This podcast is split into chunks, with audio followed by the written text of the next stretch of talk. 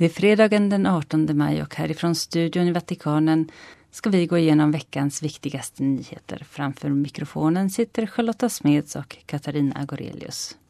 Vi börjar med att se till söndagens Regina Shelley då påven Franciscus valde att tala om Kristi himmelsfärd då många länder har flyttat fram högtiden från torsdagen just till söndagen, bland annat Italien. Påven sa att Kristi himmelsfärd påminner oss om två saker. Om att lyfta blicken till himlen och början på kyrkans mission. Denna högtid uppmanar oss till att lyfta blicken mot himlen för att sedan omedelbart vända den till jorden igen, sa påven, och följa det uppdrag som den uppståndne Herren har gett oss.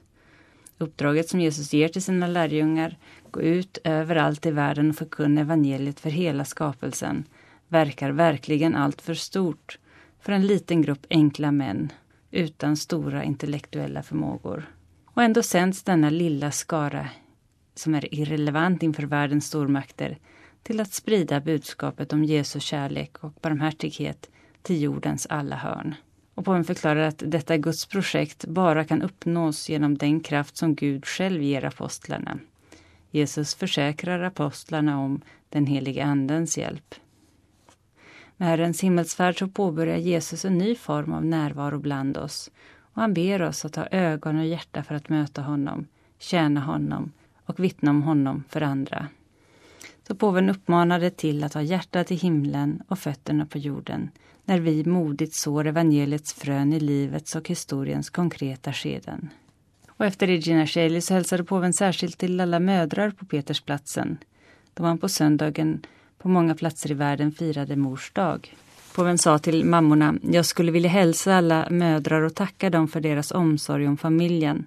Jag vill även minnas alla de mammor som följer oss från himlen och fortsätter att skydda oss med sin bön. Låt oss be till vår himmelska moder som idag den 13 maj med namnet Vår fru av Fatima hjälper oss att fortsätta vår vandring. Efter Regina Shelley så bad påven Franciscus för offren i attackerna i Indonesien. Tio personer avled och 40 skadades när bomber exploderade i terrorattacker mot katolska kyrkor på söndagen i Surabaya i Indonesien. Påven vädjade i sin appell om ett slut på detta våld. Kära bröder och systrar, jag är särskilt nära Indonesiens kära folk, särskilt de kristna församlingarna i staden Surabaya som drabbats hårt av allvarliga attacker mot kyrkor. Jag höjer min bön för offren och deras släktingar. Tillsammans åberopar vi fredens Gud att stoppa dessa våldshandlingar och vi ber för att det i allas hjärtan må växa försoning och broderskap och inte hat och våld. Den så kallade Islamiska staten har genomfört självmordsattackerna mot de tre kyrkorna i Indonesien. Landets president kallade det en barbarisk handling och bad polisen att omedelbart hitta de ansvariga för de våldsamma handlingarna. Enligt den indonesiska polisen så har även en av självmordsbombarna, en kvinna, haft med sig sina två små barn i kyrkan. Andra källor rapporterar att självmordsbombarna alla tillhörde samma familj. När påven Franciscus firade mässan i Sankta Martas kapell i Vatikanen på måndagen så talade han om vår kallelse att leva vänskapen med Jesus. Hans reflektion baserade sig på ordet lott, eller öde, som återkom i dagens läsning i Apostlagärningarna. Vänskapen med Jesus är vårt öde, sa han. Denna gåva är vårt öde, vår lott, Herrens vänskap. Det är vår kallelse att leva som vänner till Herren. Samma lott fick apostlarna, men starkare. Alla kristna har den, tillgången till Jesu hjärta, till Jesu vänskap. Vi har fått vänskapen i gåva. Vårt öde är att vara hans vänner. Det är en gåva som Herren alltid bevarar och han är trogen denna gåva. Många gånger är vi dock inte Jesu vänner, fortsatte påven. Vi drar oss bort med våra synder och lustar. Men han är trogen vänskapen. Jesus säger därför, som dagens evangelium, ni är inte längre tjänare, utan vänner. Han är trogen vänskapen även till Judas. Det sista ordet Jesus säger till honom, innan Judas förråder honom, är vän. Jesus är vår vän. Och Judas gick sitt nya öde till mötes, ett öde som han valde fritt. Han valde att vända sig bort från Jesus. Det är det som är apostasi, att gå ifrån Jesus. En vän som blir en fiende, eller likgiltig, eller en förrädare. Mattias blev vald till att ta Judas plats. Det blir hans lott, att vara uppståndelsens vittne. Vänner är de som delar hemligheter med varandra. Jag har kallat er vänner eftersom jag har berättat för er det Fadern har sagt till mig, säger Jesus. Därför rör det sig om en vänskap som lott, en vänskap som öde. Låt oss tänka på det här, avslutade påven. Jesus förnekar oss inte denna gåva. Han förnekar oss inte.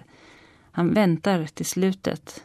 Och när vi av svaghet vänder oss bort från honom, då väntar han. Han fortsätter att säga, min vän, jag väntar på dig. Varför förråder du mig med en kyss, min vän? Han är den trofasta vännen och vi måste be honom om nåden att förbli i hans kärlek, i hans vänskap. Den vänskap som vi har fått av honom i gåva. Och på måndagskvällen så begav sig påven Franciscus till basilikan San Giovanni Laterano för att möta Roms stift. Påven höll ett tal i vilket han fokuserade på andliga sjukdomar, ett tema som stiftets församlingar har diskuterat under den senaste tiden med hjälp av påvens apostoliska uppmaning Evangelii Gaudium för att bättre förkunna evangeliet. Som en läkare som har studerat sjukdomar föreslår påven Franciscus hur stiftet ska kureras. Påven lyssnade på slutrapporten som sammanställts av församlingarna. Tre konkreta råd gav påven för att finna harmoni i församlingarna. För det första att läsa ett stycke ur evangeliet varje dag, alla församlingens medlemmar, för att lära känna Kristus bättre. För det andra att be, att be mer, berätta för Herren, samtala med honom och för det tredje att aldrig glömma bort barmhärtighetsgärningarna. Påven sa att det är ett friskt tecken när en församling har tröttnat på att sitta fast, tröttnat på bristen på harmoni. Denna trötthet är Guds nåd, sa han. Den får oss att vilja gå ut. Och vandringen är helande. Biskopens förmåga att urskilja när den heliga anden talar och när världen talar. Detta var det centrala temat under påven Franciscus predikan på tisdagsmorgonen i Sankta Martas kapell. Påven utgick från aposteln Paulus ord till de äldre att han kände sig tvingad att resa till Jerusalem. Paulus verkar lite stolt när han i dagens läsning rabblar upp allt han har gjort, sa påven Franciscus. Men det är objektivt. Det enda han skryter om är sina egna synder och Jesu Kristi kors som har räddat honom. Och när aposteln Paulus säger att han känner sig tvungen att resa till Jerusalem beskriver han en biskop som vet hur man ska urskilja när det är Guds ande som talar och att man ska försvara sig från när världens anda talar. Paulus vet på något sätt att han går mot prövningar, mot korset. Aposteln offrar sitt liv i lydnad till Herren. Den heliga anden tvingar honom.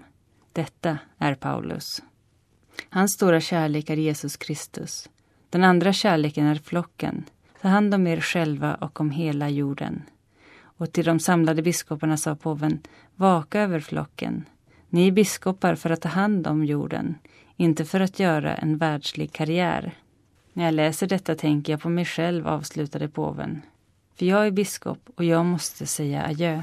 Jag ber Herren om nåd att kunna ta avsked som Paulus. I min samvetsransakan kommer jag inte vara så segrande som han.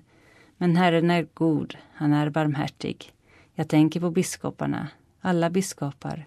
Må Herren ge nåden till oss alla att ta avsked så här, med denna anda, med denna styrka, med denna kärlek till Jesus och med detta förtroende till den helige Ande. Den 12 maj firades internationella sjuksköterskedagen och vi minns påven Franciscus ord när han tog emot italienska sjukvårdare och sjuksköterskor. Glöm inte bort ömhetens medicin för att den är väldigt viktig. En smekning och ett leende betyder mycket för den sjuka.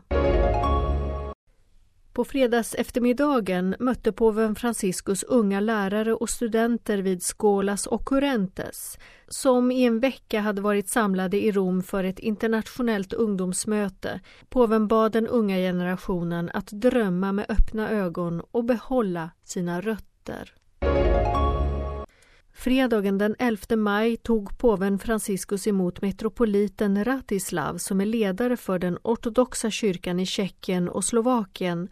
Detta var det första mötet mellan påven och primasen som valdes 2014. Båda två ser helgonen Kyrillus och Metodius som förebilder för en äkta ekumenik. Ärkebiskopen av Bombay, kardinal Oswald Gracias, kommenterade påvens budskap till världsdagen för sociala kommunikationer och säger att en fredsjournalistik är avgörande i dagens värld. Gud, fortsätter kardinalen, har gett oss media och möjligheten att förmedla sanningen och som påven säger har onda krafter börjat använda kommunikationerna för att ljuga och skapa fejknyheter. Indiens katolska biskopar fördömer en fejknyhet som förtalar kyrkan. Fejknyheten handlar om att kardinal Gracias skulle ha föreslagit nio strategiska steg för hur man ska konvertera Lingyats-folket till katolicismen och på andra sätt sätta dem i konflikt mot hinduer. Generalsekreterare för biskopskonferensen i Indien kommer nu att vidta rättsliga åtgärder. Påven Franciscus vädjade vid slutet av den allmänna audiensen den 16 maj till de berörda parterna i konflikten i det heliga landet och det internationella samfundet att förnya sitt engagemang för fred. Påven sände också hjärtliga hälsningar till bröderna i den muslimska världen inför månaden Ramadan och sa Må denna tid för bön och fasta hjälpa till på vandringen till Gud som är fredens väg. Vid den allmänna audiensen den 16 maj avslutade påven Franciscus sin trosundervisning om dopet. Som Paulus säger ikläds den döpta i Kristus och är kallad att vårda varje dygd och särskilt kärlekshandlingen som binder oss till varandra. Även påskljuset symboliserar Kristi ljus och kärleksvärme som måste vårdas med hjälp av föräldrar och gudföräldrar genom uppfostran i det kristna livet. Heliga stolen har presenterat dokumentet Cor Orans som är en instruktion för hur den apostoliska konstitutionen Vultum Dei Querere, söka Guds ansikte, ska följas.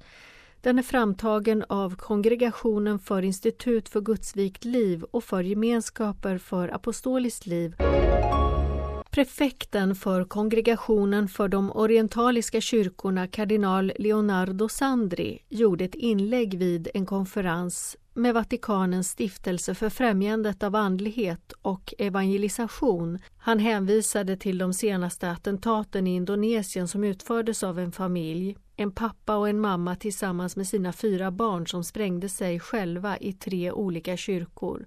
Kardinalen sa när ett vålds och terrorprojekt når livets vagga och samhällets grundläggande kärna har vi verkligen nått en nivå av omänsklig perversion. Den katolska biskopsförsamlingen i Heliga landet som samlar alla de katolska kyrkorna ber tillsammans med franciskanernas kustod i landet om ett slut på belägringen av de omkring två miljoner palestinierna på Gazaremsan. Biskoparna anser att det inte finns något som hindrar att staden ska vara huvudstad i både Israel och Palestina och att detta borde uppnås genom en förhandling i ömsesidig respekt. På måndagskvällen ringde klockorna i kyrkor och kloster över hela Egypten för att fira återförandet av de avrättade 21 kristna kopternas kvarlevor till landet. De dödades av IS-män i Libyen 2015 och kallas trons och fosterlandets martyrer. Fred, försoning, ta emot migranter. Dessa var de grundläggande temana vid påven Franciscus tal till de nya ambassadörerna vid den heliga stolen då han tog emot dem i Clementinersalen med anledning av överlämnandet av akkrediteringsbrev. Påven bad dem att arbeta beslutsamt för det goda med medkänsla, framsynthet och mod. Kongregationen för helgonförklaringar har gett tillstånd till inledningen av kanoniseringsprocessen för den irakiske kaldeiske prästen och diakonerna som dödades den 3 juni 2007 av en grupp beväpnade män i Mosul. Den nationella dialogen som har inletts i Nicaragua för att försöka lösa landets socioekonomiska kris började på onsdagen i Managua. Dialogen äger rum på seminariet Vår fru av Fatima och biskoparna deltar i den som medlare och vittnen. Drygt 7000 kristna som tillhör Kashinfolket i norra Myanmar har tvingats lämna sina hem på grund av upptrappningen av våldsaktionerna mellan den burmanska armén och Kashin-rebellerna, berättar biskopen i Myt Kyina, Monsignor Tang. För närvarande tar den katolska församlingen i Tangpre hand om 1200 flyktingar. Den katolska kyrkan i Nigeria har organiserat en protestmarsch mot de ständiga massakrerna som Fulaniherdarna utför av de kristna. Sedan början av året har ett hundratal personer förlorat livet i dessa attacker. Biskoparna ber att ett så stort antal personer som möjligt ska bege sig till Makurdi den 22 maj för att delta i den nationella marschen. Medan våldet fortsätter att härja i Centralafrikanska republiken och särskilt i Bangui och fredsprocessen är avbruten strävar den största delen av folket efter fred och rättvisa. Situationen är verkligen komplicerad, säger en präst. Människornas förväntningar och behov är enormt stora. Och det var alltså en sammanfattning av veckans viktigaste nyheter. Och vi hörs igen om en vecka. Laudetur Jesus Christus. Música